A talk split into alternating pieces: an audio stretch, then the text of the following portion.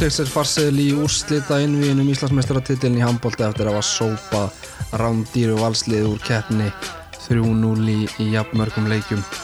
Og það er líðin 27 ár takk fyrir síðan að Karlali Selfoss var síðast í úrslita innvíðinum eða árið 1992 og þá tapaði liðið fyrir FH 3-1 í já, mér er sagt að eftir dómaraskandal en ég svo sem selða ekki dýra henni kæfti það Herðu, Arnar Helgi Magnússon heiti ég og ég er hérna, hef fengið til mín þrjá frábæra gesti í Kaffi Krúsar stúdíóið á Selfossi í höfustöðum Selfoss TV Þetta eru þeir Helgi Hlinsson, nýkryndur Íslands mestari, velkomin Helgi. Takk að kæla fyrir, að vera hérna. Hvernig liður þér? Bara mjög vel, enda Íslandsmeistari. Já, hvernig, er þetta í fyrsta skipti sem að þú ert Íslandsmestari? Ja? Nei, og ekki einu sinni fyrsta sinni sem Íslandsmeistari í fjórðaflokk Nei, ok. Ég var Íslandsmeistari í fjórðaflokk, Bíliða En það var nú, skemmtilega að sagja, ný byrjaður að ræfa, 15 ára gammal Já, ok. Það fyrsta árinu. Já, þannig að þú til áður. Já, alltaf, alltaf. Átni Geir Hilmarsson ég veit ekki hvað ég á til þig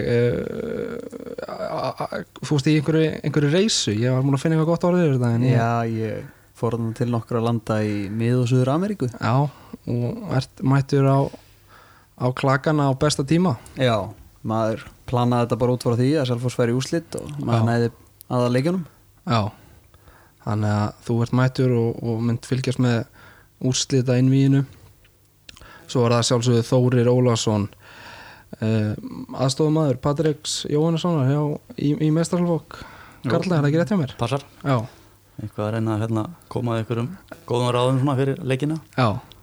Hvernig er að vera m- mættur í svona podcast fyrir, fyrir úrseld einvið, þú mátt ekki tala á þér Nei, nei, ég hérna viss að þér þjarmaði mér og hérna ég reyna að halda mig hægum já, já, við skulum hérna sjá hvað það endist. En hérna strákar, við erum í hérna í bóði Kaffi Krús Tómas Þóratsson, okkar allra besti að að hjálpa okkur í, í þessu öllu saman.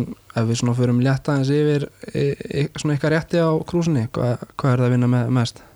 Herru, ég var mikið með pizza nautabanans sem var hérna Bernes pizza með frönskunum Hún var alveg geðvig Já, átni Ég hef mikið verið að flakka í pítsunum stundum fá okkur tvær við Eva og ostavislu og svo eina vera únu þannig að það er mjög góð blanda. Já, svona fl- flakka á milli, bara, já, ja, Þórir. Nakkaborgarinn. Það er nækaborgarinn Já, það er, já, já Klikkar það, ekki. Nei, hann klikkar nefnilega ekki. Og svo eru þetta stóru frétnar í þessu öllu saman að California Club er komin á komin á matseðilin aftur. Nú, við skorum hérna á Tóma í fyrsta þætti og hann bara bregst við bara eins og alveg menn gera.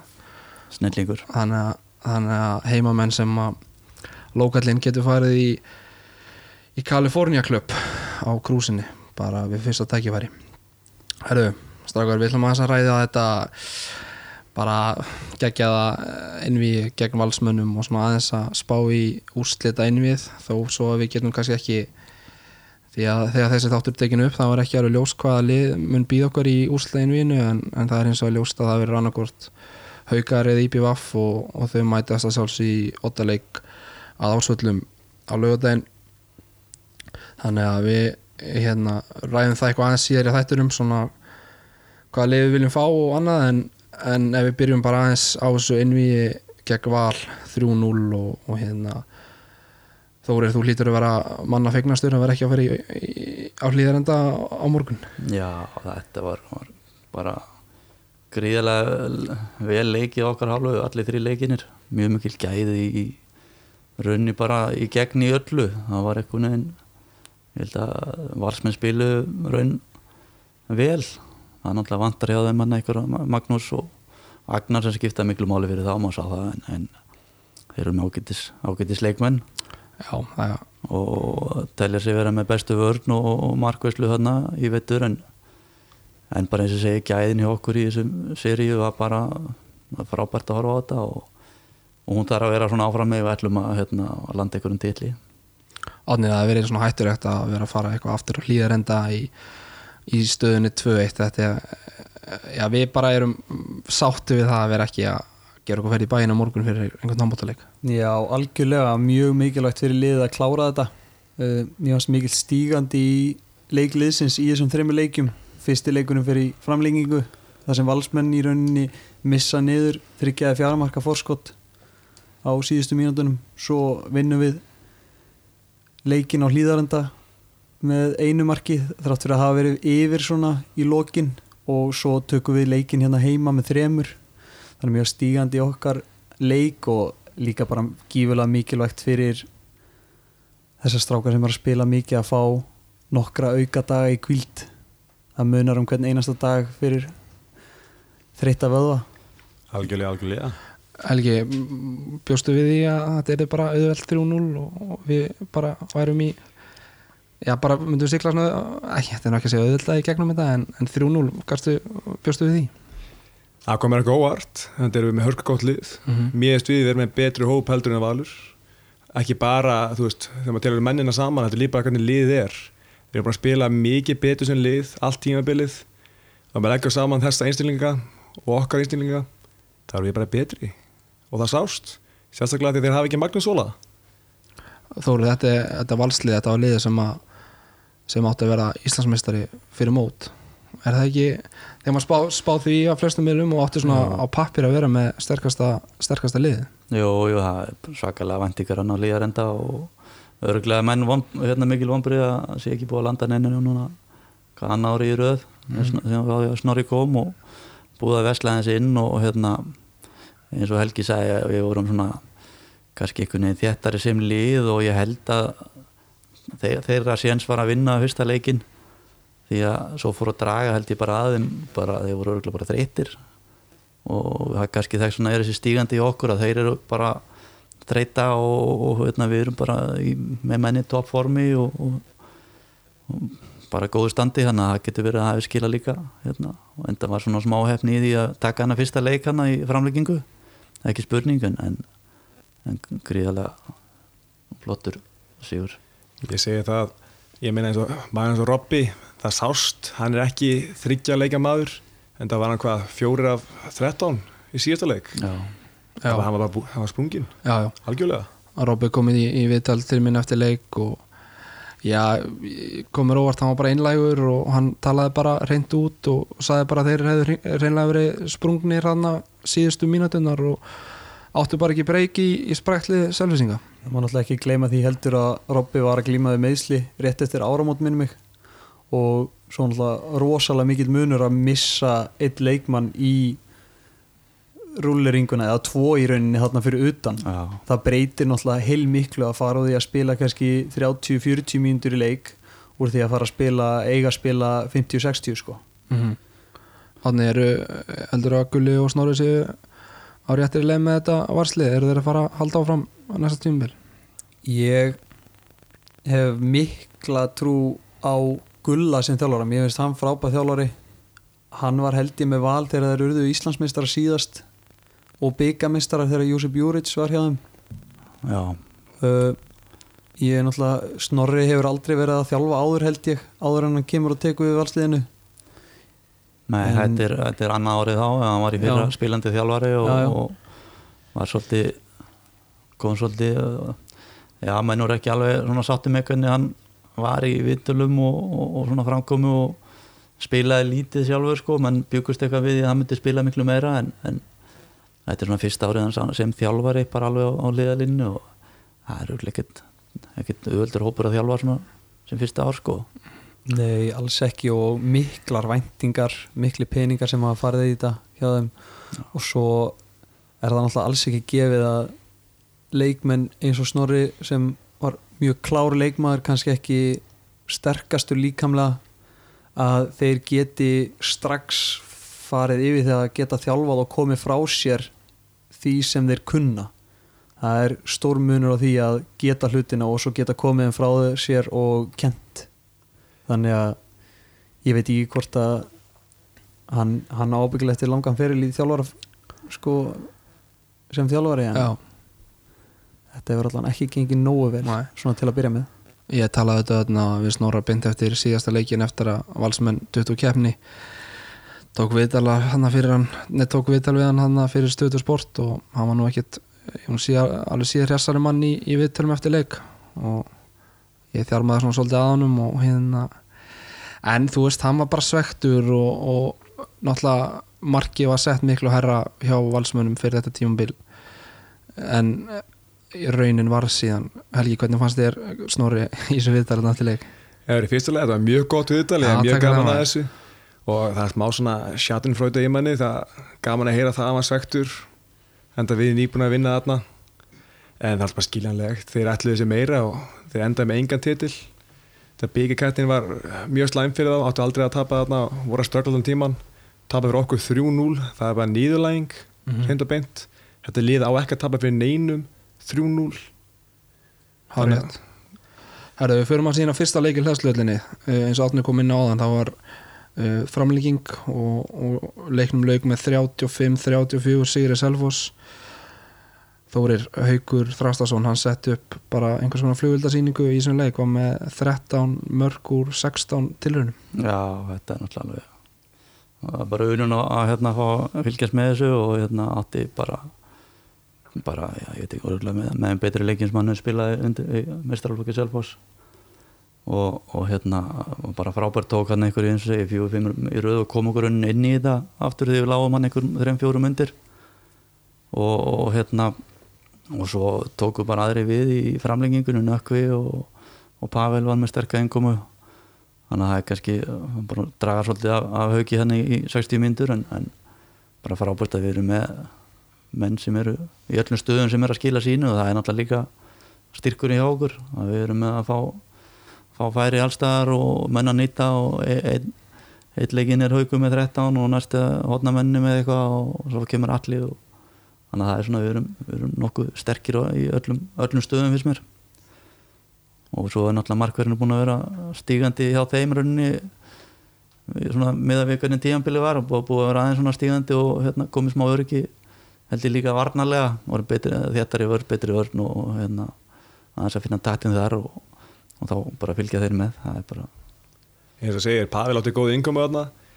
Ég var stein hiss að sjá hérna vellinum mér fannst Sölvi búin að vera góður. Sölvi með 35% markvæslu í, í leiknum. Já, við setjum gröður hérna á þjálfarteiminu en síðan alltaf sem að skoða statikina þá var hann búin að fá á sig einhver, hvað var ekki, 6 7 mörg í röð á sig að verja hann þannig að þetta er skiljalega skipting Mhm. og enda frábær. Ég Já. held að þessi skipting var stór partur því að við unnum leikin þannig að það sýnir hvað ég veit. Ég hefði tapað þessum leik, ég hefði haldið Sölvi inn á vellinum en Þetta er alltaf kannski svona- hefði hann varið líka, maður veit það ekki. Nei, þetta er alltaf svona ákvarðanir sem að eru teknar eins og þú segir, það var komið hann já, eitthvað sjö í röð og það síðasta sem það var, ég var úr aukakastinu þannig að það var svona annarkvort að skipta eða bara láta hann klára þetta og, og þetta var bara ákvarður sem við tekjum bara og hefnaðist í þetta skipti. Ég segi að þið standu að falla með henni og þið gjössalega stóðu með henni og bara vel gert.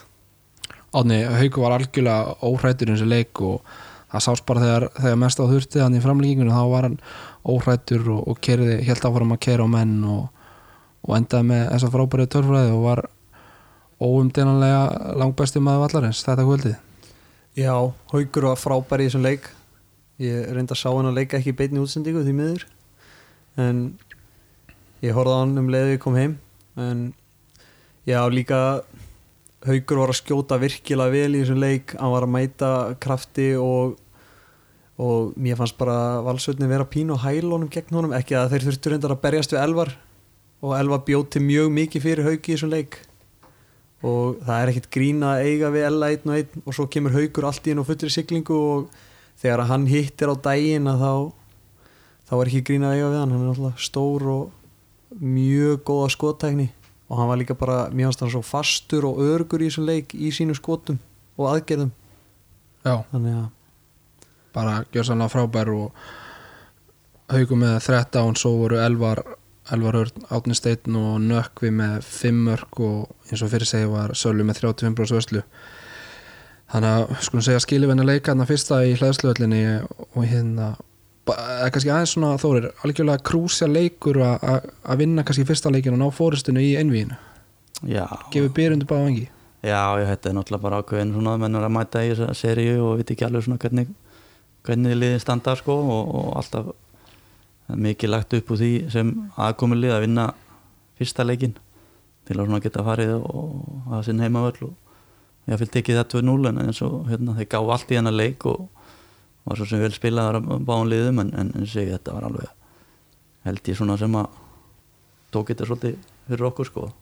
Heldur að við hefum mætt einhverju svona öðru uh, valsliðið þarna hefðu þeir stólið sigurinn á Salfossi og, og mætt með sjálfstöðsið í botni á sinn heimavill Já, klálega sko, við svo sem hefum okkur hefur gengið vel þarna á hlýðarenda og ég er svo sem alveg samfærum við höfum náð þessu 3-1 sko en, en maður bara veit aldrei, vill ekkert fara í þessu óvissu. Sets uh, leikunum með tvö í Allíðarenda Órikuhöllinni uh, lokatölu þar 31-32 Elvar uh, Jónsson með 8 mörg Hergir og Haugur 6 og Sölvi með eitthvað í kringum 30% markvæslu þar svona já bara geggjaður leikurinn á hann 2-0 sigri og kannski svona stæðst aðvikið í þessum leik var náttúrulega það Átni Steinn færa raut spjald. Eru hefnir að hann hafi ekki farið í bann eða eh, hvernig leiti þetta atvik út? Ég held að það var, ef þetta er gert í spurning. Já, þetta er bara þetta er óöfni, við erum með olbúinir að fara að skjóta og eðlir reyfing það sem ég sá þetta var, fannst mér þetta ekki vera mikið en og sá ég þetta aftur þá, þá hérna, jú, jú. Svipað eins og ég og Adami hérna haugnum að hann var búinn að fá rauta áður hann að ég held því fyrsta geti sem átni fær rautspjald á ferlinum eins og hann sagði hann að mér er þetta bara ja, rétt, ef maður gerir- hefði það gert aftur leikin eftir sko, þá hefði örgulega komið bann en þetta var sutt alveg skurðum maður. Það er alveg rosalega, það var zoomað inn á þetta í endursýningunni og það var opnað þetta, ah, það er svona óþægilegt. En mér finnst það ekki vera jafn gróft og hjá Adam ekki Nei. hann er að skipta um hönd fyrir mm Mhm. skotræðingu, þetta er skotræðingu þetta er skothöndina sem að fer með olbúðan Adam Haugur fer bara með lúkuna fram Já. lausu höndinu sinni, beinti smettið. Mér finnst það mikið grófara. Já. þannig ef, ef það hefði komið bann á þetta er ég brjálaður. Mhm. ég hef sett yfirlýsingu þarna og, í, í MBL og komið með læti svo sumir eru að gera þetta. Já. það er tískunni dag. Förum að betur í yfirlýsingar eftir. Það verður einmitt gefin út einn stutt yfirlýsing í, í lók þáttar. Þannig ertu sammálaði með þetta rauðspjald bara Já, ég held að þetta hafi verið réttu dómur kannski á þessum tímapunkti en Átni er líka bara óheppin að í þetta skipti var hann að sækja á Alexander sem er hugsaði 10 cm lægri heldur um bæði Ímir og Orri. Og þegar þú ert að fara í svona fyndu þá skýlur þér með hendinni og ef þetta hefði verið Ímir þá hefði þetta verið í aukslinn á honum. En að því að var Alexander þá er hann alltaf með höfuðu talsveit lægra.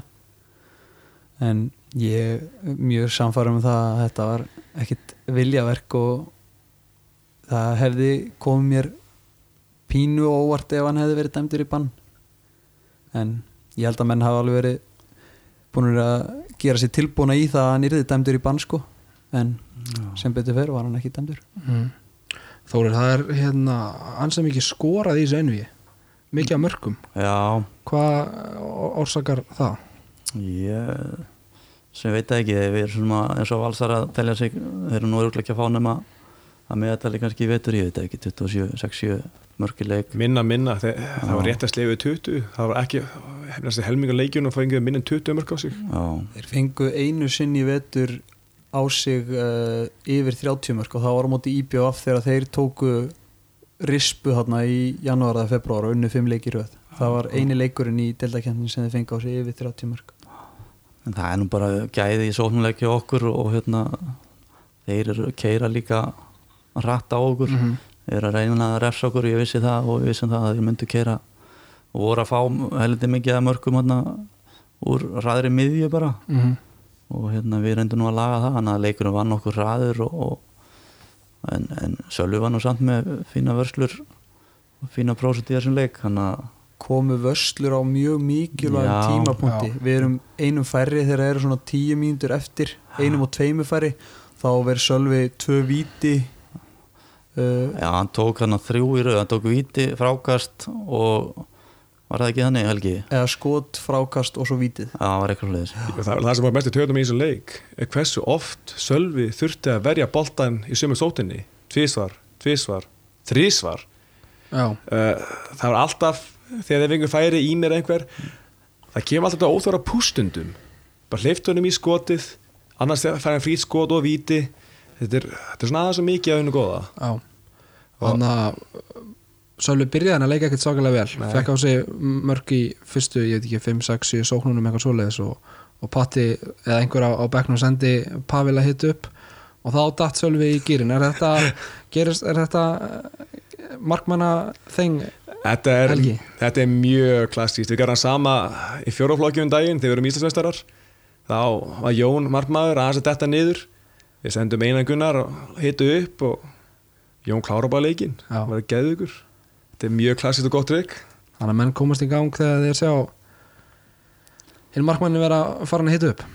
Algjörlega. Líka, það er líka sást á bæði Antoni og Robba að þeir byrjuði að miklum kraft í þeim leik og Anton sérstaklega hann á alveg þrjú fjögur mörk hann í byrjunleik sem eru algjöra sleggjur mjög fast og bara mjög góð skot en Robby var nú bara með eitt mark eða ekki fyrstu 40 mínútunar var það þannig en Anton byrjaði allavega leikin já. af miklum krafti sko. svo kemur Robby rauninni og skýtið um aftur inn í hérna í setniháleik þegar hann mm.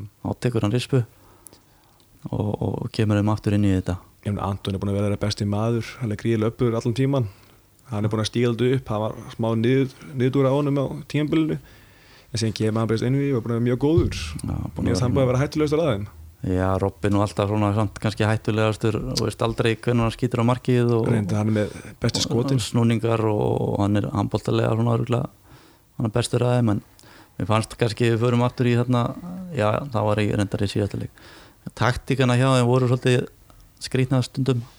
Voru að senda leikmenn á elvar og, og hergir kannski einn og einn bestu varnamenn okkar Já. það fyrir kannski að leita veikar í hlekkum hjá okkur. Þá fannst mér svona stundum að Robby var alltaf að lenda á elvari bara einn og einn og alltaf bara komst ekki alltaf sjaldan í gegn sko. En það var kannski eitthvað taktist villust sett upp hjá valsmönnum að, að sækja okkur bestu varnamenn því að hérna ég held að Hergir og Elvar séu alltaf með 7-8 löglega stöðunar í leik og erfitt að fara fram hjá þeim einn og einn. Já, bara tveir okkar bestu varnamenn Er það ekki? Jú, ég held það. Já, ekki það, við erum haugur er enda mjög að blöðvarna maður líka en Elvar er ekki mikið að tapa einn og einn og Hergir ekki heldur svo sem en það hendar Hergeri finnst mér aðeins betur þegar hann er fær að fara aðeins utar en hann er náttúrulega mjög að blöður einn og einn.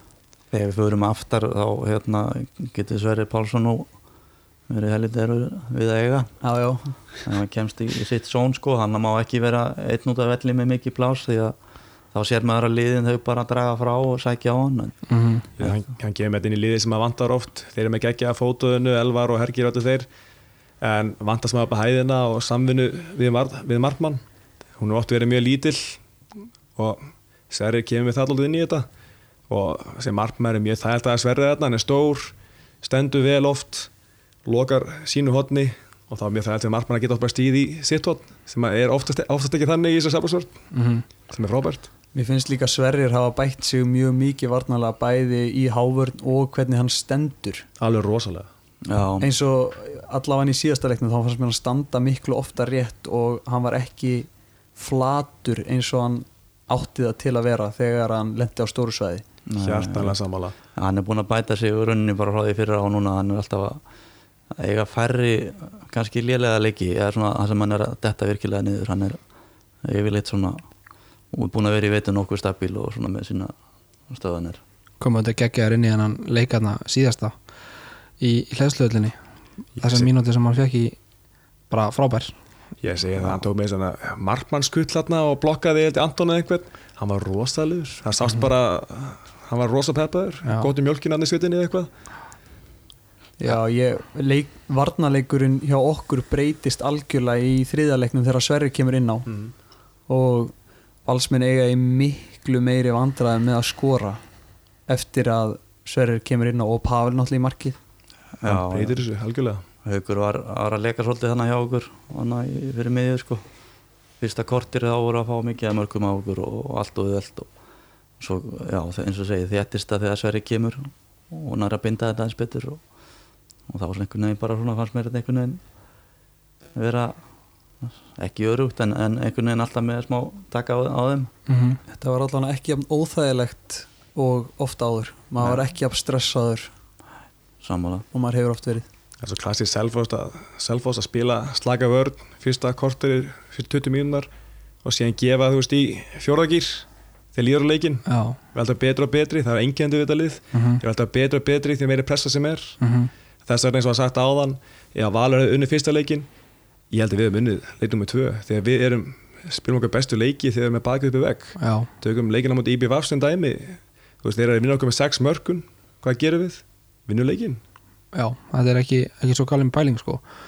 Ég hérna þreytist ekki á því að, að ræða Hergi Grímsson, hann svona vinnur ofta tíðum mikla vinnu sem að hinn almenni stuðnismæður Selfoss kannski tekur ekki eftir. Þú veist, alltaf með sínar 6 til 12 löglegu stöðanir í leik og alltaf með sín 4 til 8 mörg hann vinnur svona oft já, vinnuna sem að fólk svona hinn almenni handbóllagómur tekur kannski ekki endilega eftir Já, Er ekki já. sammála í því, eða? Jú, hann er alveg gríðarlega mikill líþrættamaður, fljótur á, á fótum, gefur mikið tilísins, sterkur karakter og hérna, eins og segi, það er ekki allir sem að fylgjast nóg mikið með einhverju hjálparvörn eða, hvernig menn er að varnarlega, það er að yfirleitt svona flestir horfa þetta sóknarlega.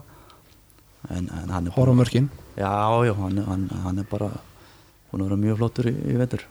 Fjölhæfur leikmaður átni, hann getur, að ég veit nú ekki allan einsókn í þessum síðasta valsleik sem hann kom inn á miðju.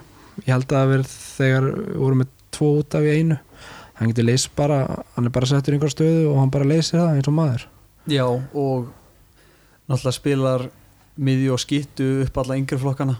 Og þannig að hann kann það mjög vel og er búin að vera tildurlega stutt í hotni og hann er frábær í vörn og með frábæra fótaðinu og alveg þindalaus, hann getur hlaupið endalust og ef við förum aðeins lengra þá var fyrstil valsleikurinn á þessu tímabili var á heimaðalli og þá erum við að tapa þegar klukkan bilar og Patti tekur á það ráð að setja hergir á miðju og hann átti stórleik á miðju í þeim leik mm -hmm.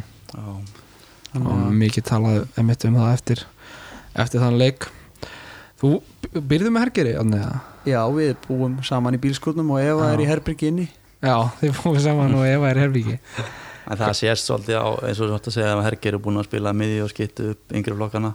Maður sér það aðeins á skotum, hotnarskotum hjá honum. Hann er stundum kærulaus og, og, og hérna á það til svona að klikka úr hotni. já, já, En algjörlega. hann er búin að, eins og segja, bæta sig bara, eins og segja, maður er settur í ykkur stöðu og hann bara finnur leið til, að- til að gera eitthvað sem er miðja skitta eða hotn.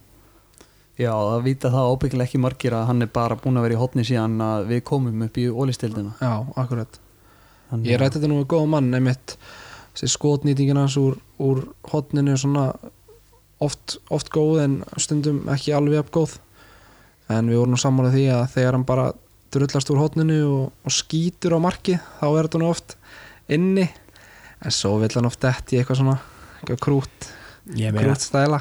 hann er svona að læra þetta þú voru bara að kenna hann snúninga og annað hann vil prófa þetta í leikjum, er spennandi og gaman. Mm -hmm. mm. skittan komin í hotnið Þetta, er, þetta, spilast, þetta skrifast mikið til á Þóri hann er Já. að kenna óþára hluti. Já, já, bara svimið sér læra betur en aðrir og hérna nei, nei, hann er búin að hérna, ég segi, vera flottur, flottur í hotninu Ertu, ertu duðlega að gefa Hergeri góð hotnar á? já, já, reynið það svona ekki dó mikið, en en ekki að vera bladrandi eitthvað hverju æfingu, hverju viku bara hérna að segja hvernig, hvernig ég ætla að gera þetta ég Já, gera þetta svona. Já, já. já, menn vera bara líka að læra Já. þetta svolítið sjálfur sko, það var Mhm. engin svo sem á bakinn á mér á sínum tíma. Nei, fínt aðeins að geta komið eitt og eitt svona ráð. Já En átni, við getum ekki klárað þess að hergisumröðin nema að ræða svona aðeins hvernig hann er heima fyrir. Já, hvað viltu vita? Nei, bara þú veist hvernig, hvernig er hann bara skilur, er hann setur hann í vélun eftir að hann er búin að geta eða er grímur hergis í því eða þú veist, er grímur að láta hann heyra eitthvað, setur hann ekki þóttin í réttu ornu kruna eða? Herger er, er mjög rólegur og ljúður drengur heima fyrir eins og hann getur verið æstur á æfingum og í leikjum. Já, og ég veit nú ekki, kannski hann er nú ekki duglega æstur við að hendi vélina held ég. Nei nei, nei. Er það sögð á honum í, í þriðaleiknum hvað var það aftur? Hann fekk hann einhverjar, einhverjar tvæ mínútur sem hann var ekki ekki Já. almennilega sátt við en hann var alveg trilltur Já, hann tók eitthvað öskur á dómaran eða Já. mótmælt eitthvað og þeir og ég hlusta hann á í lýsingunni og Jónas kom og, og sagði hergi minn, þú getur bara að tala við mig eins og vennileg maður. Já, er ekki hann ekki alveg á því þarna sko? Nei, var það ekki Hergi sem sagði því þetta er bara mikið, það var það Jónas? Það var Jónas. Já. var það Jónas? Þetta var svona eins og, svolítið eins og pappan sem væri bara skamman fyrir eitthvað sem hann hefði sagt við hann einmitt á heimilinu sko. Ég er mjög ánægð með Jónas sem dómar. Hann er svolítið, tekur svolítið pappan á þetta Já. þegar hann er að dæma. Já, Helgi minn, þú getur bara að tala við mig bara eins og venlu maður Já, hafðu gaman að því. Það er mikið undir og menn eh, bara heitir og hérna Já, bara gerist það. Hefur ekki að segja að þetta sé bara skap sem hafi erst í beinan kalleg? Jú. já, En tókuð eftir því hvað Patti og fleiri var fljóta að standa upp og reyna að komast að milli dómarans og hergist því að þið vildi ekki að myndi koma að tala við já hann ég er enda tók ekki eftir því, var það svo leiðir Já, Patti fór bara beint að það komið milli. Já, ok. Þið vildi alls ekki að Já. hergi myndi segja meira. Nei. Því þið vissu það var ekki 100% Nei, um aðeins skil. að halda aftur á honum. Já Helgi er þetta geggjaður bara geggjaður persónleiki ég hef virkilega gaman að honum. Mikill liðsmaður og hefur gaman í því sem hann er að, er að gera. Herðu, fyrst við erum fann að leik, eh, ræða hennar leik nummer þrjú þá skulum við bara demba okkur í hann. 29-26 stæsti sigurinn í þessu einví Elva með 6 mörg, Hergi 5 Átni 4 og Pavel með 32% vörslu í, í rammanum. Þóri, hvernig stiltu þessum leik upp uh, fyrir hópnum einhvern veginn öðru sig heldur en þessa fyrstu tvo að þetta var aðeins meira undir? Nei, raun ekki, við hérna ætlum bara, þetta var sama upplegg sem kerfi, sama var bara verið að skerpa á hlutum, það er ekkert að fara yfir eitthvað mikið að nýjum hlutum, við fórum yfir yfirtölu kerfi eitthvað hérna aðeins til að brjóta þetta upp. Uh, annars bara var þetta copy-paste, það var búið að ganga vel akkur þetta vera að breyta eitthvað mikið hérna út af vananum? En, en við vorum svo sem alveg búin að búa okkur undir að þeir myndu kannski taka einhverja aðra vörn eða Mhm. koma með eitthvað óvænt sem að var svo sem ekki. Þeir voru held ég bara alltaf í 6-0 svona aggressívari. Mm já, reyndu þarna aðeins að taka umferð en Já. það var yfirleitt þegar við vorum einum færri það var ekki að ganga þú veist, þú tekur haug, þá vortu með elvar á stórum plási og, og átna og alla saman eitthvað. Já, og Nökku kom líka sterkur þar inn. Nökvi, svaka og flottur og búin að koma með flottar innkomur í, í þessar úrslutakefni og, og bara í veitur þannig að við erum bara með, einu segi, með sterkir allstaðar og, og í leik 2 voru hotnamennir að fá færi. Var ekki þannig í leik 1 þá voru þeir með bara 1 eða 2 mörg Ég held að það var bara eitt mark úr hæra hótninu þarna. Já, uh, Það var átni steinn á komin í hótnið já, Ég var ekki alveg sammála því að sjá hann þarna. Ég held að Ega hann til frekar að vera þarna ef ef að gauja á slaganleik já. Hann er í fyrsta leiknum? Í fyrsta leiknum. Hann er náttúrulega- alltaf ekki af góður í vördninni þetta var varna tengt sko. Já. mikið um að- innleysingar og, og Ímir Ímir endar alveg ótrúlega góður hann á línunni. Hann nýtir bara en með hvernig var fannst mér fyrir svona tveim árum þá varum við 50% nýtingu eða eitthvað en núna bara klikkar ekki skoti. Hann er bara að stígu upp núna síðgastið í byrjun tímabreysi líka gæti hann ekki raskat? Hann klikkaði og klikkaði sem kemur hann núna bara sjö og sjö og alls ekki orðbræði, ég veit ekki alveg hvernig staðin er því hérna en bara eins og þú vilt sko. pík Ok. hérna á milli. Já. Nei, hann er bara greiðlega sterkur eh, sóknarlega orðið núna og hérna, með svona, ég átti ekki alveg vona að ég myndi bæta sér svona mikið en ég, hann er pottet í einhverjum auka skotaðingum í átíðinu og, og annað því að bara ótrúlega örugur og, og varnarlega sterkur líka sko, hann tuðaði kannski mikið, það er einan svona sem ég finnst já, svona neikvægt já. já, algjörlega. Og það voru nú fleiri valsliðin þannig. En Þóri svona andlega hliðin fyrir hennar leik, stiltu þessu upp. Þú veist, lögðu mikla áherslu við leikmenn að ná að klára þetta strax að klára þetta bara þannig strax í, í þriða leik?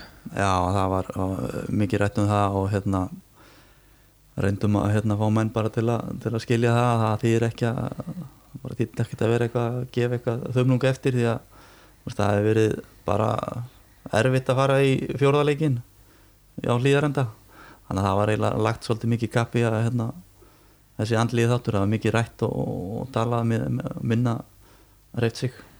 Þannig að þetta var svona eiginlega lögum þetta náttúrulega upp eins og alla leiki sem úslita leiki Já, átnið þetta var þetta stærsti sigurinn innvíinu þryggja marka munur. Við tölum að þessum þán valsmenni voru bara sprungnir hann að síðustu mínúnar er það ekki nákvæmlega það sem orsakar hennan innan gæsafla, mikla mun? Jú, ég held það að þeir hafi fundið meira fyrir álæginu í þessum þreymur leikjum heldur en við. Og já, það sé stela best í síðasta leiknum að því að já, getumunurinn er náttúrulega minni held ég á milli liðana heldur en þeir síndu í Mhm. þessum þriðarleik Mhm. þannig að það er í rauninni bara góður styrtaþjálfun og þreikþjálfun í kringum þetta meistarflokksliða að þakka að hvað strákanir eru í ótrúlega góðu formi. Já, Helgi, hvernig leiðir svona þessar síðustu mínútur þegar, þegar fórastan var nú alltaf í þessum þremu mörgum varst ekki trættur um þetta þeir myndu glutra þessu niður? Herru, það sem var töðunar mér Í fyrsta lagi, dómarnir voru frábærir allan leikinn nema svona, afsakið, nema svona fyrstu, eða síðustu þrjár mínundar eða svo. Þá kom svona hruna skringilöfum dómum sem var alltaf Já, hva, hvað fannst þér svona aðalega þeir fengu að það voru tveimur færri valsmenninir mm. Alexander og Ímir fengu brotvísun voru þær ekki réttmættar báðar? Jú, mér sá ekki betur fyrir að ég smettið á á honum áttasteini og Já. ég man ekki alveg hvað hitt var Alexander fór í haug Já, já, smettið á hauki líka, þetta er bara rétt hár rétt Já, og ég held að Alexander maður bara heppin að hann fengi Já. fengi held nei í mér Mhm. heldur harkalega í hann þarna hvað varst það ósáttu með í, í domgæslinu þessar síðustu myndir? Í fyrsta lagi þegar Regi Herger fyrir vilana miðju, sér í gegn tókaði niður, reynir eitthvað skot Mm -hmm. ekki dæmt, þetta er vídeo tvær allan tíman sem er leiðist að haugur kæmt í gegn, hann er pussað reynir eitthvað astanlega vippu að þannig er pussað og rengi jafnvægi, Já, ekki dæmt. Já. Þú veist, ég, þú veist, þetta er bara mjög því leikur klás með þrjá mörgum í staðin fyrir fimm. Mm en þú veist, óþar að geta spennandi. Já, sérstaklega þannig með Hergis þetta hann fyrir sko, það var eiginlega ég gildi það ekki, en kannski minna með haug Já, mér fannst það ekki brot. þeir stundum leifa svona smá púsmill 1 og 2 og, og hérna taka skoti Já, þetta var víti allan leikin, svona, þeir, að- þeir voru búin að dæma víti á Já, allan leikin já, undan já, fram að þessu. En eins og á móti í er þá leifiður þetta ég man ekki hverju voru að dæma þar. Mm. það var mikið leift svona smá pús eftir skiptunum með 1 og 2 og þeir Mhm. leifuðu, eða voru bara með jafnvægi á því bara allan leikin sko, þannig að maður gæti ekkert verið að kvarta við fengum ekkert og þeir fengum ekkert. Ég meina, ef línan er þannig, það fylgjum að henni? En þetta var ekki línan. Þeir voru frábæri dómararnir allan leikin nema þarna síðustu nema þarna síðustu þrjámíðunar, þá fannst mér þetta vera alveg skingilegt, þá var Já. línan aðeins þannig brestu hjá þeim. Ég var stómgæsla mjög góð eða allan leikin ég held að það verið eina að vera var hérna her, hergisatvikið það átti klálega að vera víti og líklega tvær. Og svo mögulega hefði Ímir átt að fá Já, raukt að mínum að hann Já. slær svolítið til átna mm en ég held líka að dómarnir hafi bara ætlað að koma sér frá þessum leik án þess að dæma eitt raukt spjald og, og fá flei, Já, já. meiri slæma umfjöllun um handboltan Já, En ég held að held yfir í seríinu okkar þessum þreimleikjum hafi domgæslan nú verið bara bara fín. Já, ég ætlaði einmitt að spyrja ykkur Já, ég, hérna mér finnst þú mjög góð. En við reyndar í þjálfara dimni erum búin að einblina svolítið mikið á það að vera ekki í dómarunum og í svona töði og eigða óþara orku. Glemdist að láta patta vita því að Já, það er nú alltaf hann sem er nú hlutverk mitt, míns og gríms er, að- hérna ha- halda nú rólegum sko. Já, en svona að reyna að einbytta okkur að okkar leik þetta er nú svona með þjálfarana þeir eru nú alltaf eitthvað að djöflast í dómarunum Mhm. allan leikin já, mismikið og misgáulegt en við, ég og Grímur er nú alltaf svo Já, rólegir já. sko, við hérna einbyttum okkur bara að strákanum og, Já. í mitt halda byttum við. Halda patta niðri, hann vil reyndar ekki meina það. Hann vil alltaf meina að þegar hann fær gu- guldspjald já, það nú gerist ekki oft en þá er það uppsafna frá mér og já, Grími. já. Ég held allavega að ég þórir stendur helvíti oft upp finnst mér. Já, ég það meina, er út Þóri, að mér er svo illt í bakkinu og það er bara aðeins að, rétt um mér. Þú ekki guldspjald þarna í í yfirleiknum? Nei, Var það grímur, djöfull. Grímur. Ah, Patti er svo lúmsku sko, hann er alltaf með einhverja svipi svona til dómarana, eitthvað svona smá, svona einhverjar bendingar og nánast bara allan leikinn skilur en kannski ekki endilega alltaf einhverjum orðum sko, en hann er alltaf svona að koma að einhverjum svona einhverjum, einhverjum líkanstjáningin Já, hann segir mjög oft sína meiningu en ég held að hann sé ekki oft allavega ókurtis eða ósangja hann passa sig held ég mjög vel á því að já, já, ég, já, sammála maður svo sem heyrir í honum og hann er mis náttúrulega peppaður og, og stressaður stundum er hann Mhm. ör og hérna maður finnur það en, en, en oft er hann bara svona, en segir, kurteis og uh, eitthvað að tuða sko en það er svona innan marka strikið er líka að velja réttu momentin að segja eitthvað á dómarann eftir eitthvað sem er augljóslega svona á gráu sæði en ekki tuðundan öllum dómum þá hætta dómarinn að hlusta á því og gefa bara tvæ mínútur og síðan raskið eitthvað virkilega. Mhm. það er alltaf, ef þau ætti alltaf að tuða þá eru dómarinn bara að býða eftir að gefa það tvæ mínútur fyrir kjæfta því já, og það sést náttúrulega bara valstæðar var ekki gulli sem vekkast sér tæmi undir misti jú, jú, en þeir eru þeir Já. hoppandi og skoppandi á allan vöttina mjög gaman að fylgjast með því. Akkurat. Patti er ekki alveg jafn slæmur Nei, en hann á það til á sín moment. Akkurat. Valsararnir allan einhverju á samfélagsmiðlum vilja svona meina að það hafi hallað svolítið á domgæsluna í þessu envi Hostert uh, fjölskyldan virka á, virka á það var nú, skal reyndar alveg gefa en það var tekið eh, hressilega á Hostertnum í þessu envi það var oft sem hann sem hann lá í, í gólfinu. Hann var hann var bara inn og, og laminn bara eins og aðrir leikmenn og, og selvisingar líka var einhver sérstök hérna að stoppa hann Þórir? Já, við vissum að það myndi vera fyrirfæra mikill í þessu. Hann, myndi, hann og Anton myndi taka mikið ákvörunum og, og það var náttúrulega lögð já, bara mikið upp með það að stoppa hann. Mm -hmm. og hann er bara klókur að lesa hérna einhverja glufur og veikleika í örni og, og góður að snúa sér og, og hann er góður að láta sér detta á réttum mómentum hann er bara klókur eins og maður segir snýr sér hérna í ring og, og fær smá peysut og, og hérna nær mönnum út af í tvær myndur og ég fyrir raut sko en hérna við vorum nokkur sinnum mjög klókir á hann bara og eins og Elvar og, og, og fleiri sem náðu bara neglan Já. strax. Sérstaklega ánægði með Hergir þarna í fyrsta, í fyrsta leiknum var það ekki þegar í fyrstu sóknjafvel þá sækir Robby á Hergir tekur stúningin sem læti sér detta þarna þegar snýr bækun í hann fær beint á sér tvö mínútur Hergir sem gerir hann aftur það sama í leiknum með tvö minnum og þá kemur Hergir bara og stoppar hann. Já, það sýnir líka bara að Hergir er búin að vaksa mikið. Já, og svona við lærðum aðeins inn á hann. Akkurat. En hann er alltaf ótrúlega hæfilegur ykkur Robby en og segir með meðslu og annað ég hef aldrei séð hann á hans alltaf svona, Já, að, illt í já, östinni já, æ, ég held að fekna í baki hann alltaf með eitthvað svona hægjur á sér. Já, já, það, það er alveg, alveg rétt sko. Ég get alveg tekinn til það. Átni væri Selfoss komið í úslit einvið hefði Nökkvitan Ellason ekki komið í janúar og, og Einar Sverjesson með sín meðsli hann hefur komið himnasending fyrir þetta lið, Nökkvi Já. Mér veist bara hann breytir svo mikið sóknarleik selfhásleisins af því að menn eru þá yfirleitt búin að vera eiga við Elvar eða Átna eða Haug og Elvar og Átni eru náttúrulega báðir í kringum 100 kíló og eru þunga á þetta leikmenn sem vilja mikið verið í kontakt og eitthvað. Og þau eru búin að vera að eiga við svoleiðis leikmenn kannski í 20 mínútur eða eitthvað og svo kemur allt í hennu nökkvi inn á sem er minni svona meiri snerpa í honum. Veist, það er erfitt að gýra sig inn á það sem varnamaður að fá allt í hennu allt öðruvísi leikmann á þig. Þannig að mér finnst bara já og síðan bara hann skilur leiki mjög vel og bara passar einhvern veginn fullkomlega inn í sóknunar hjá okkur og bara leysa ótrúlega já, alla stöðuna fyrir utan mjög vel. Sammála því Þórir? Já, hann bara alveg, ég er bara hérna, mér finnst hann alveg átrúlega skemmtilegur karakter, frábær leikmaður og hann kemur hérna í janúar í trusu formi.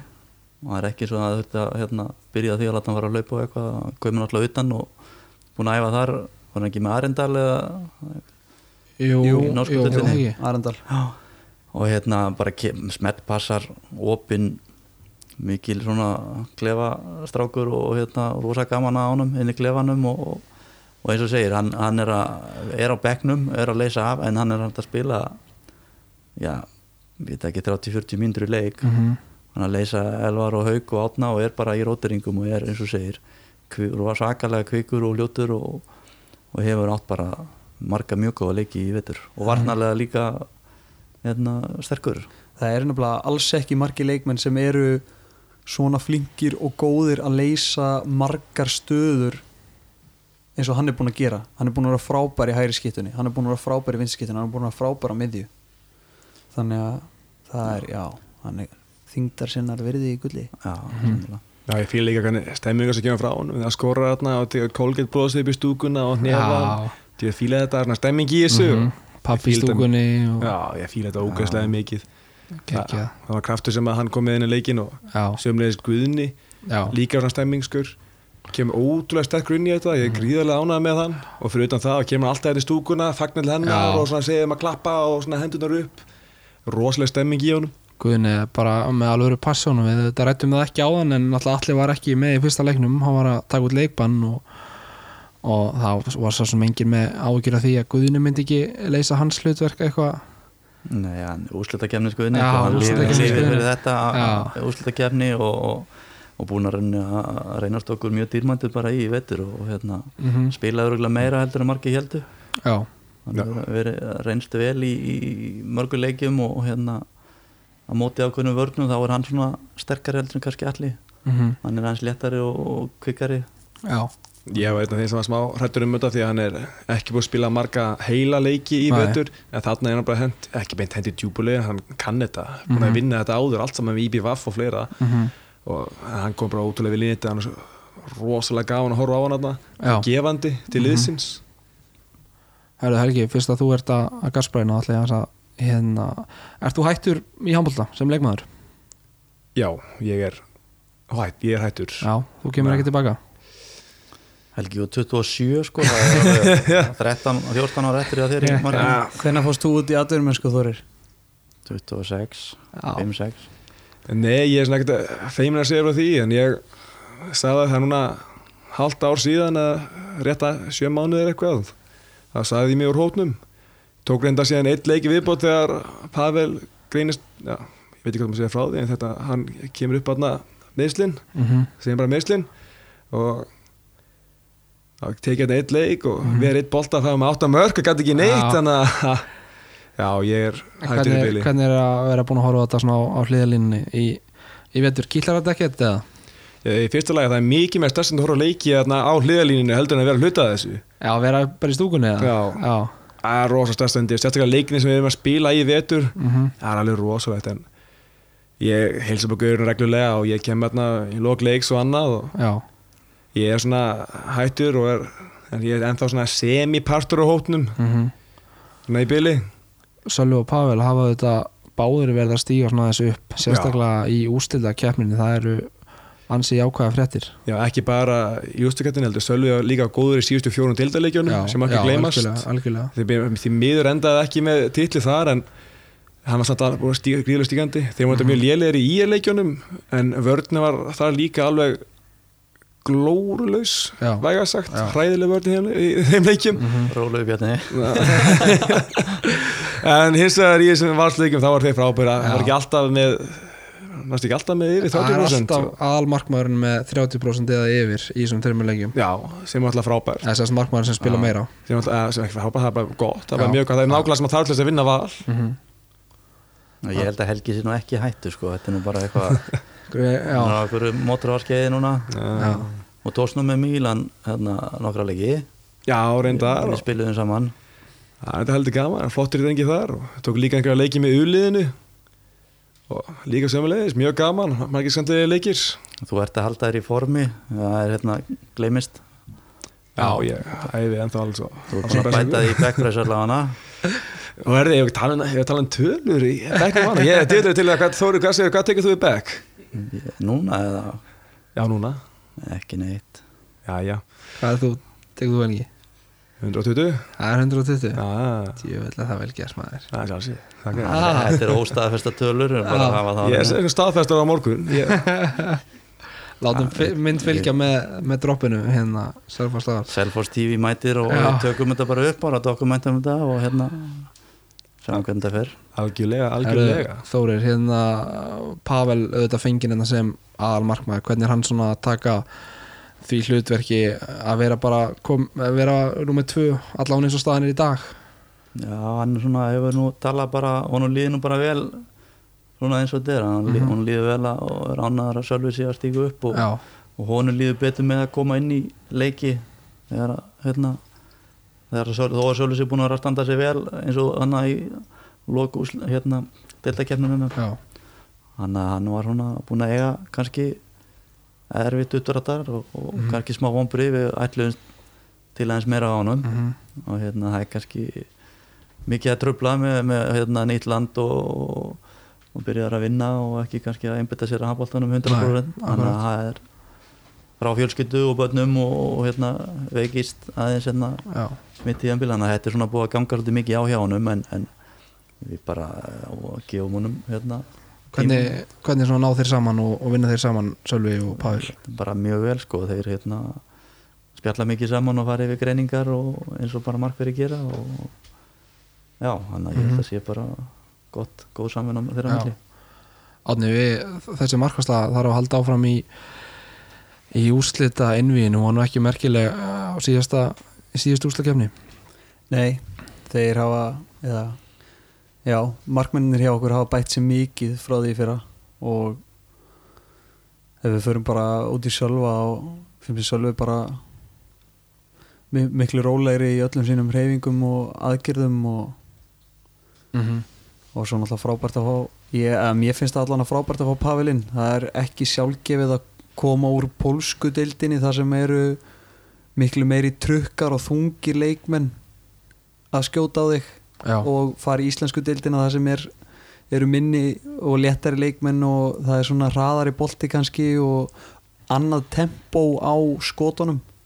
Og svo líka held ég að þessi stór partur af þessu að það er, ég hugsa að það sé mjög erfitt að þurfa að vera frá fjölskyldu sinni í fleiri, fleiri mánuði. Já, í Já, já. mjög ókunnu landi þrátt Mhm. fyrir það að fólki þarna hafi tekið mjög vel á móti honum Pavel að þá held ég að það sé samt vandi mikið þegar fjölskyldan er ekki já, það lítur bara að vera Herðu, Selfoss Twitter, handbólta Twitter þakkaði þakkaði stundismönnum vals fyrir komuna á hlýðarenda eftir, eftir leik nummer 2 og ef við förum bara aðeins í, yfir í, í stöðningin og stemminguna sem er á Selfossi í handbóltanum núna, Helgi, þetta er gaman að fylgjast með þessum maður. Þetta er bara komin next level dæmi. Við erum með langbestu stundismennin eins og staðan er. Mhm. Ég bjóðst við IBF-mennina svona aðeins að litnið þeim aftur alltaf En eins og staðan í dag erum við með bestu stundismennina Mhm. Það var mjög gaman að mæti í þessa valsöll Kluttum við fyrir leik. Mm Engin valsæri nánast. Nei. Og við komum að allir í vinnröðu og valsæti mæta í svörtu og allskynst þarna.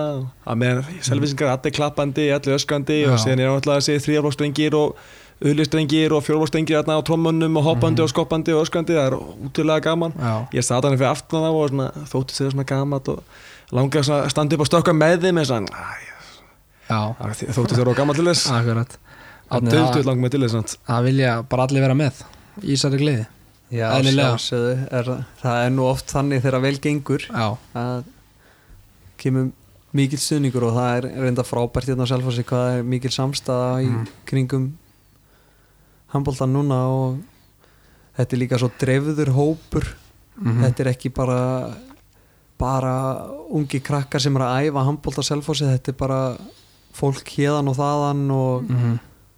já, bara fólk sem er kannski fylgist ekki eitthvað brjálæðislega mikið með íþróttum sem hefur mikið áhuga á liðinu. Mhm. og ég held að spila það náttúrulega stórullla inn í að þetta er náttúrulega margir strákar hérðan Já, heimamenn. Talandi um að vilja vera með þegar vel gengur þá, þá vil ég sé eftir fleiri sjálfbóðanliðum fyrir knæsmyndudeldina Ok. Hvað vantar alltaf góða menn þar. Já, já, en það er svona smá, smá lægð í því núna. Þórir, það hlýtur að gegja að koma inn í hlæðsluöllina og það er bara það er full stúka og þið byrja þetta upp. Já, þetta er náttúrulega bara öfund okkur allir bara í deildinni, deildinni hvað við erum með góða stöðnismenn og trygga og, og raun bara í ja, síðustu ára allan vetur, síðasta vetur við erum að mæta í á útivelli upp í nesi eða í framheimilni og, og við erum alltaf með yfirhöndina þar. Mm að þetta er náttúrulega bara alveg algjör störlun að koma hann inn í lappin í höllina og, sjá að þetta fólk koma og, og ótrúlegasta fólk sem náttúrulega mætir í svona leiki, það er bara alltaf en, en við erum með gríðalega bara flotta góða stuðnismenn og þetta er bara hjálpar strákanum líka og okkur eh, mikið.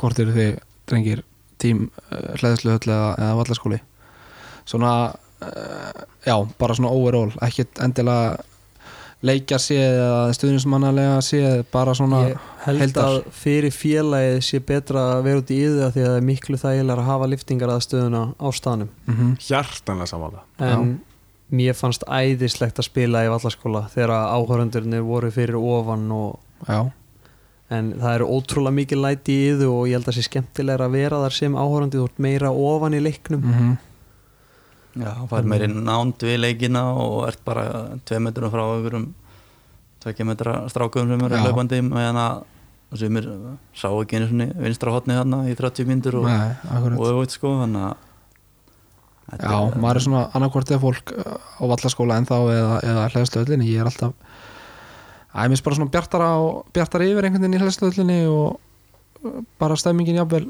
jafnvel meiri sko. Já, ég er tím allan daginn Mér er þannig frábæður staður Mhm. Gott aðeins þarna, gott að spila þarna Vallaskóli er alltaf bara Batsins tíma mm -hmm. Steipi veggurinn er þarna alveg onni manni og Já. ofta er einu sinni var smá pussi í mann og maður lentur einhverjum steipi vegg sem var þarna hálfu metr hálfu metr frá þarna kól, óluðu völlur mhm, en það er alltaf stemmar í þessu gammaldags og Já. það er alltaf öll sagan er þar en var, ef maður ber saman bara þú veist, hvernig er að vera þarna þá er ég svona hægt og rólega að fara yfir í tím Já. Patti gáði það nú svona í skinan í sendinbylginu eftir leik að honum hefur þó þægilegt að vera í hlæðslöllinu undir stúkunni og geta rifið kjaft og vera með bendingar án þess að allir öll stúkan vera að horfa á hann. Þú getur rétt ímynda hvernig það var í fyrra. Já, eins og hann er núna. Já, var hann ekki einu sinni mækaður einhvern tíman og þá kom svona heldur skemmtilega hlutur upp? Jú, já.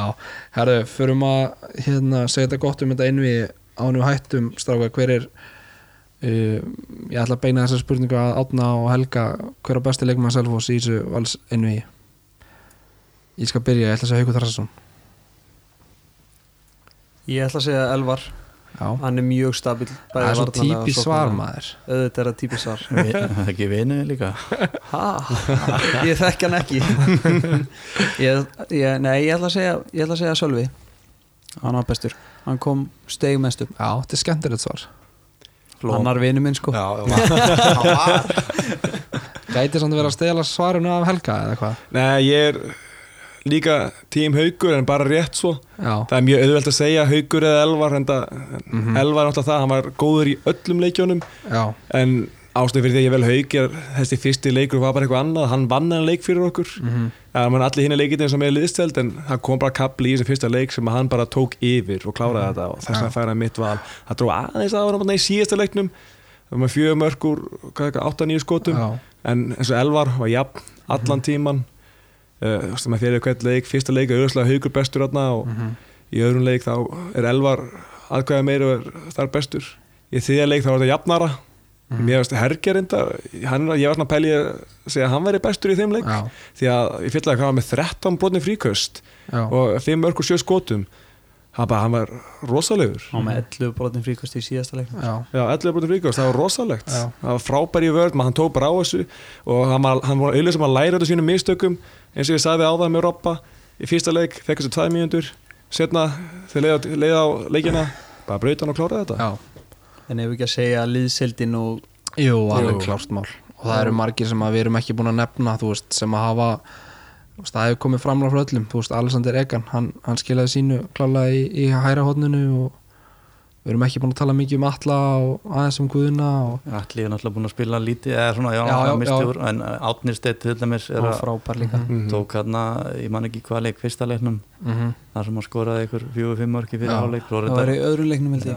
Eða öðrum og dróð svolítið á hann sko, en hann Já. var allan tíman mjög ógnandi og hérna, fann svolítið balans í því að vera ógnandi allan tíman og, og samt ekki að skjóta marki í öllum sóknum sko. já, að hann er líka, gleymir svolítið að hann er alveg að draga í sig og líka mjög mikilvæg varnalega sem leiðtói og talandi og Mhm. hann hann stíð upp í því líka sér maður svona í, í taland og öðru sko, hann er nú frekar svona róli típa það lappar enginn fram hjá þessu Otger Sóla fjósi sko. Herðu, uh, hann hérna Tryggvi, hann fekk einhver örfa á mínútur hann í, í leik 1 eða ekki? Jú, það ekki. Í fjárveru Alla Já, fekk hann einhverjar fjóra mínútur eitthvað svoleiðis, tvær Já. fjóra mínútur. Ég meina þetta er gríðilega ungu drengur, Mhm. hvað er að fættur 2002 2002, rosalega ungur, stór, Mhm. mjög sterkur líkanlega. Framtíðamaður ég segja það og um leið og hann fær meiri reynslu og fær, svona, fær aðeins meiri sjansa þá uh, gera á fyrir að vera bara rosalega uppleið búin að vera mjög öflug með þriðja flokki og búin að vera æfa þarna með mestaraflokki er að standa sig vel með góða, góður í vörð mm og það er bara aðeins meiri reynslu og það fer stýtst í það að hún að vera hendi djúblaugina -hmm. Guðjón Baldur, Baldur nú er ég bara ekki alveg kláraði spilaði hann mikið í Sveinvi hann spilaði þarna í fyrsta leiktum og var einn af þremið minnum mig. Skori, hann fekk hann tvö klikkir á Danna Mhm. og það tekin út af Já, hann um, já, Lexi hefur spilað meira núna uh, í þessu einvigi Guðjón og þeir hafa nú skipt þessu í vetur svona nokkuð í aftan milli sín en, en, en Lexi búin að vera bara fítnir með góð slútt og, og hérna aðeins reyndar ekki kannski heldur en Guðjón hann er alltaf ungur hann, Guði, Guði ég er náttúrulega þreymur árum yngri og svo vill það gleymast að Guðjón æfir og spilar með sliti crossband sem er rosalegt. Já, já, já, það er það er bara já, það glemist mér finnst það magnað. Já, en það er búin að vera mjög fítni vitur hann og Egan er bara á gott kombo. Búin að hjálpa okkur öðrum mjög mikið. Já. meðan hinn minni Hergi er bara búin að eiga sín stað en þarna eru þeir tveir búin að vinna vel saman. Mhm. Egan sem dæmið, það kemur slagur leikur eitt slagur leikur, hvað gerir Egan í næsta leik? Ef fjör mörgur, fimm skotum í leiknum og tvö, það er bara að kalla skott. En með, en með, hann klára hérna eitt með tryggva all- hendunum í djúbulögina sko. Hann fekk nú alveg sinnskerfi í vetunum í Európu Já, reyndar, reyndar. bara, Algjörlega. var að setja bara hérna að byrjuna maður. Ég má glíma því. Hann var smá stressaður en það er fyrir reynslubanka. Ég segi það algjörlega en það er búin að stíga upp hægt og róla og búin að bæta sig jamt og þétt. Já, klárlega framtíða maður í, á línunni bara í er að spila með þessum yngri landsliðum og bara hann er líka frábær varnamaður þegar hann er að eiga við menn sem eru af sinni styrtakað Já, hann er náttúrulega ekki orðin jafn sterkur og þessi strákar kannski í meistaraflokki eða kallar. Já, og þegar hann bætir á sig nokkrum kílóum þá verður hann, hann verður frábær varnamaður Mhm. Herðu, það vil auðvitað oft vera þannig að, að við tölum mest um þá sem skora flestu mörkin en gott svar í átna liðseldin klálega maður leiksins í þessu einvíi Herðu, snúm okkur yfir í, í þetta úrslit einvíi við erum náttúrulega, við erum að tala gjammi einhver, einhverja klukkustund núna og þannig að gefum okkur smá tíma í úrslit einvíi, það er åtta leikur á laugadaginn haukar IBVF í, á ásöldum Hvað hva lið viljum við fá? Hvaða lið hendar okkur betur eins og staðan er í dag? IBVF Akkurju? Eh, fyrst til haukar eru með svo rosa einstaklinga þarna. Mér finnst þeir heilt yfir að vera með betra lið í heildina. Hins vegar er IBVF búin að stíga hans upp núna á mótið þeim og búin að vera mjög mikið stígandi í þeim þannig að þeir eru ekkert lamba sér við. Þetta er var ekki- hóp í, í kvöld? Theodor í fyrsta skipti hann var, síðan já, hann var að hitta upp allan og var, Já. var, já, ég reyndar að veit ekki hvort hann hefur spilað ég sá ekki að leikin spilaði hann eitthvað En ég meina þetta er því það væntalega hann er að koma tilbaka Ég Já, það sem ekki ég það gæti- að hann eigi greiða leið í nei, Gabriel er búin að vera sko. frábær átján og átján á tímapunkti síðan Já. síndi hann aðeins að hann er mannlegur flokksins sem er gott fyrir okkur ef að IBVF skildi vinna þetta Já, Átni, hvað svona hvað heldur þú með hauka í BF? Ég held að, að IBF hendi okkur betur vegna þess að þeir eru ekki að sterkir líkamlega á haukar. Og það er það sem er okkar helsti styrkur held ég sóknarlega er það hvað við erum öflugið líkamlega og þeir eru með mjög sterka varnamenn einn og einn. Mm -hmm. og þeir eru líka með mjög mikla breytt og þegar þeir eru verið í svona ósliðkefni og er verið að spila þétt þá skiptir það mjög miklu máli þannig að ég held að IBF hend okkur betur en, en ég held að haukar klára þetta á ásvöllum Já, það er ekki órúglegt Þóru, vilt þú eitthvað að tjáða um þetta? Drauma mótur, já? e, það er rosalega erfitt að segja það sko, en eins og þeir eru búin að tala um þá massíf heild í haugunum þeir eru með mestu breytina þeir eru með svona einhvern veginn bara, já, þeir eru með geta róterað mikið og, og, og betur og við höfum bara átt í, í smá vandræði með þá. Það er bara þannig, þeir eru stórir og sterkir og, og spila þessa 6-0 vörn og eins og maður sá, sá móti í BVF þá hann bara öflugir með Gretar höfir aftan hann og hérna ég veit ekki svo sem hvað hendar okkur, ég skipta ég lengur máli í þessu hérna einvið kvenda fyrir sko, ég er bara Það er þetta romantik í því að, fá Suðurlands lag já. Já, ég held að svona handbóltalega sé fyrir áhöröndan og, og annar sko, þá held ég að IBF sé skemmtilegri viðregn en, en, en haukan eru svo sem er langa og mikla hefð og þannig að þetta verður bara hvort sem er, það verður bara gaman. Það sé náttúrulega haugarnir er búin að vinna okkur tvö skipti núna og Já. við séum IBVF tvisvar. Þannig að það segir nokkuð mikið, ég held að IBVF sé svona auðvitað svar Þetta raukstiður okkar svar eh, mögulega að það hendur okkur jafnvel bara betur að spila á móti IBVF en auðvitað þessi seri á IBVF hún er svona, kemst, hefur komið svolítið í fréttinar fyrir eitthvað allt annað en það sem er að gerast enn á vellinum sko. Ég er bara eh, ég næ ekki að fylgja lengur hvað er að gerast í þessu öllu saman það er bara yfirlýsing hvers einasta skipti sem maður kíkir á á miðlana Eh, þetta er náttúrulega snýst í grunninn um þetta bann sem að Kári Kristján fekk hann í var í fyrsta leiknum? Nei, öðru leiknum. Öfuleikuna, réttilega, þetta var glórulust þryggja bann? Já, herruðu, hann dettu með olbúan undan sér.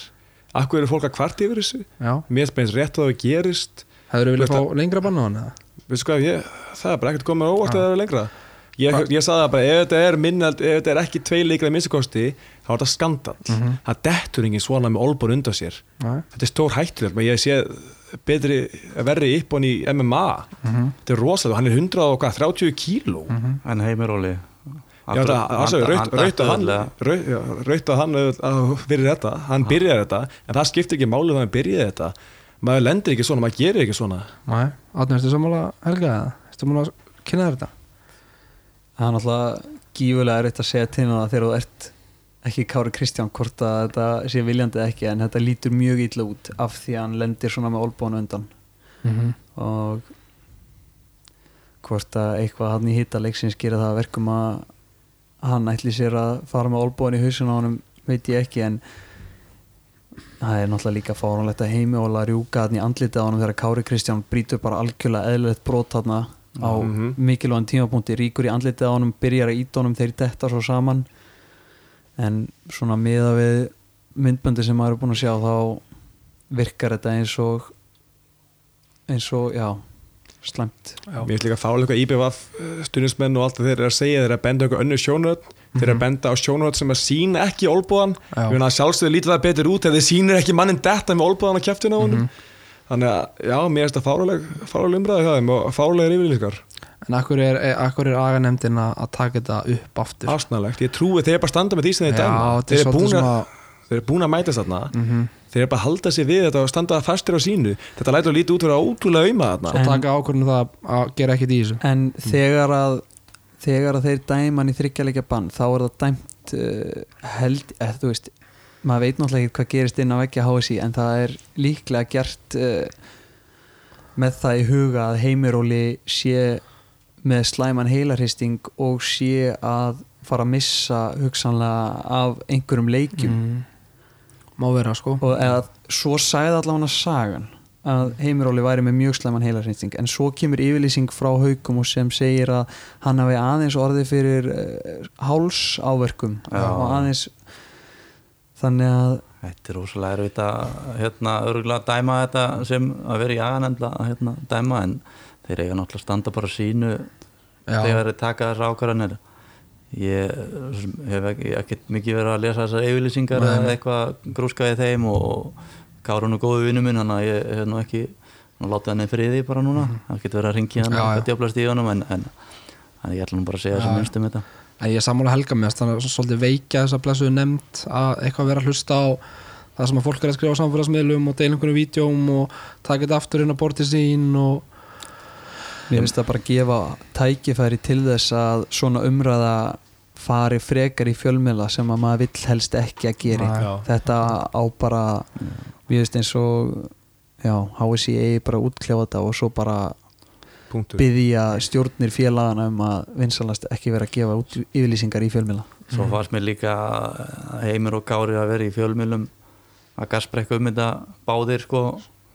Mér finnst það bara ekki einhvern veginn eiga sér bara segja bara, herðu, ég ætla ekki að tjá mig um þetta og stæðan fyrir að vera gasbrekka í fjölmjölum og svo koma yfirlýsingar og vera að benda einhver, einhver gömul brot sem voru að gera sem ásker hafði átt að kýla ykkur og, og, og veist, það er ekkert verið að dæma út frá því það er verið að dæma þetta brot mm og hérna það er svona á bara að vera að tala um það, ekki eitthvað, eitthvað sem var og, og í, síðar, í fyrra og eitthvað hlutir eins og segja umræðan um þennan leik um þess að leiki með lípa upp á hauka hún er ekkert sérlega handbóltatengt þetta er að draga alla aðtekli frá handbóltanum og Já. tala um þetta kjæftæði sem er í gangi. Algjörlega.